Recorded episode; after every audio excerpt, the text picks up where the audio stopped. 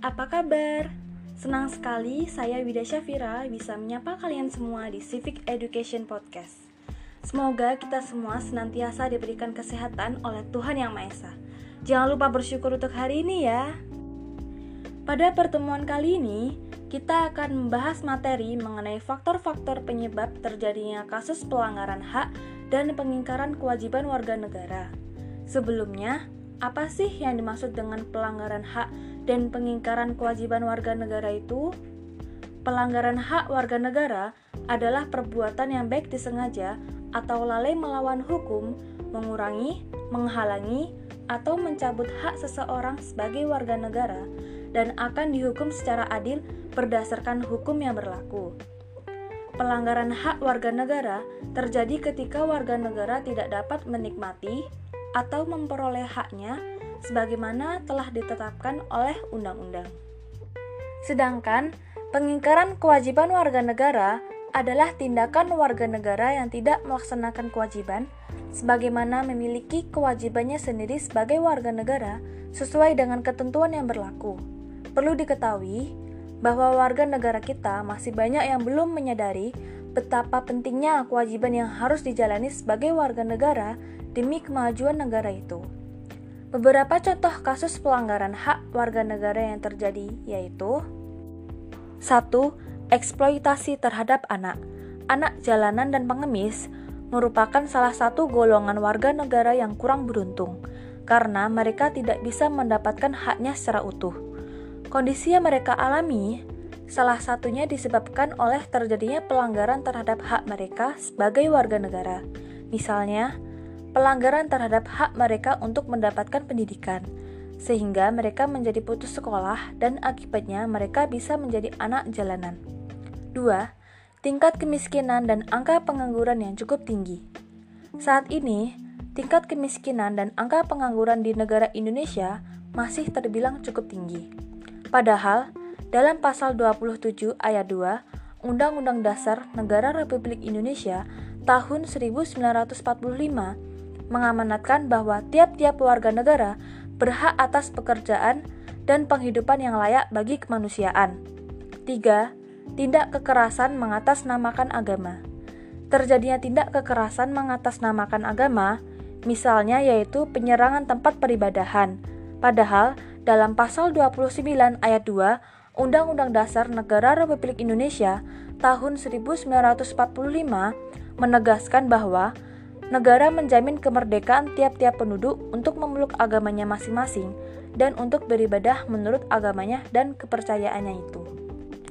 Sedangkan contoh kasus pengingkaran kewajiban warga negara yaitu 1. Melanggar aturan lalu lintas. Pelanggaran lalu lintas merupakan bentuk pelanggaran yang kerap dilakukan oleh sebagian masyarakat.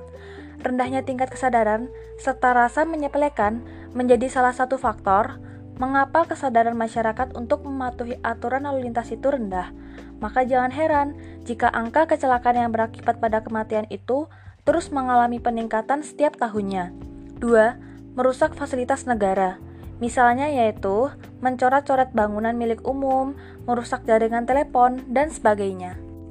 Pelanggaran hak dan pengingkaran kewajiban warga negara di antaranya disebabkan oleh faktor-faktor berikut ini.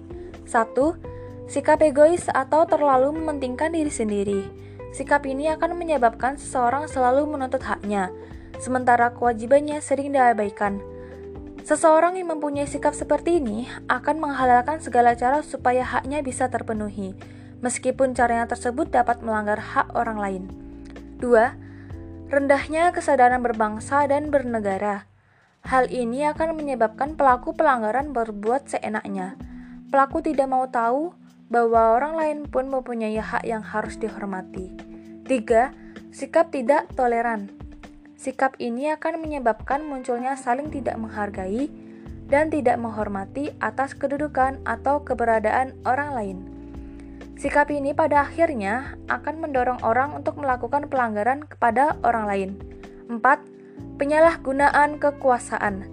Di dalam masyarakat terdapat banyak kekuasaan yang berlaku Kekuasaan di sini tidak hanya menunjuk pada kekuasaan pemerintah saja, tetapi juga bentuk-bentuk kekuasaan lain yang terdapat di dalam masyarakat. Salah satu contohnya adalah kekuasaan di dalam perusahaan. Para pengusaha yang tidak memperdulikan hak-hak buruhnya, jelas hal ini melanggar hak warga negara. Oleh karena itu, setiap penyalahgunaan kekuasaan mendorong timbulnya pelanggaran hak dan pengingkaran kewajiban warga negara. Selanjutnya, ketidaktegasan aparat penegak hukum aparat penegak hukum yang tidak bertindak tegas terhadap setiap pelanggaran hak dan pengingkaran kewajiban warga negara, tentu saja hal ini akan mendorong timbulnya pelanggaran lainnya. Penyelesaian kasus pelanggaran yang tidak tuntas akan menjadi pemicu bagi munculnya kasus-kasus lain. Para pelaku cenderung mengulangi perbuatannya dikarenakan mereka tidak menerima sanksi yang tegas atas perbuatannya itu. Dan yang terakhir yaitu penyalahgunaan teknologi. Kemajuan teknologi dapat memberikan pengaruh yang positif, tetapi bisa juga memberikan pengaruh yang negatif. Bahkan hal itu dapat memicu timbulnya kejahatan. Kita tentunya pernah mendengar terjadinya kasus penculikan yang berawal dari pertemanan dalam jejaring sosial media.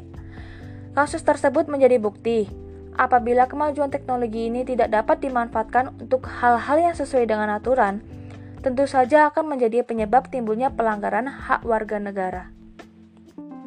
Tidak terasa nih, waktu kita udah selesai. Sekian materi yang saya sampaikan, semoga bermanfaat untuk kita semua. Pergi ke kampung, jalan terbelah, pohon jatuh, awas menimpa. Jika ada salah kata, maafkanlah. Cukup sekian dan sampai jumpa. Terima kasih dan selamat belajar.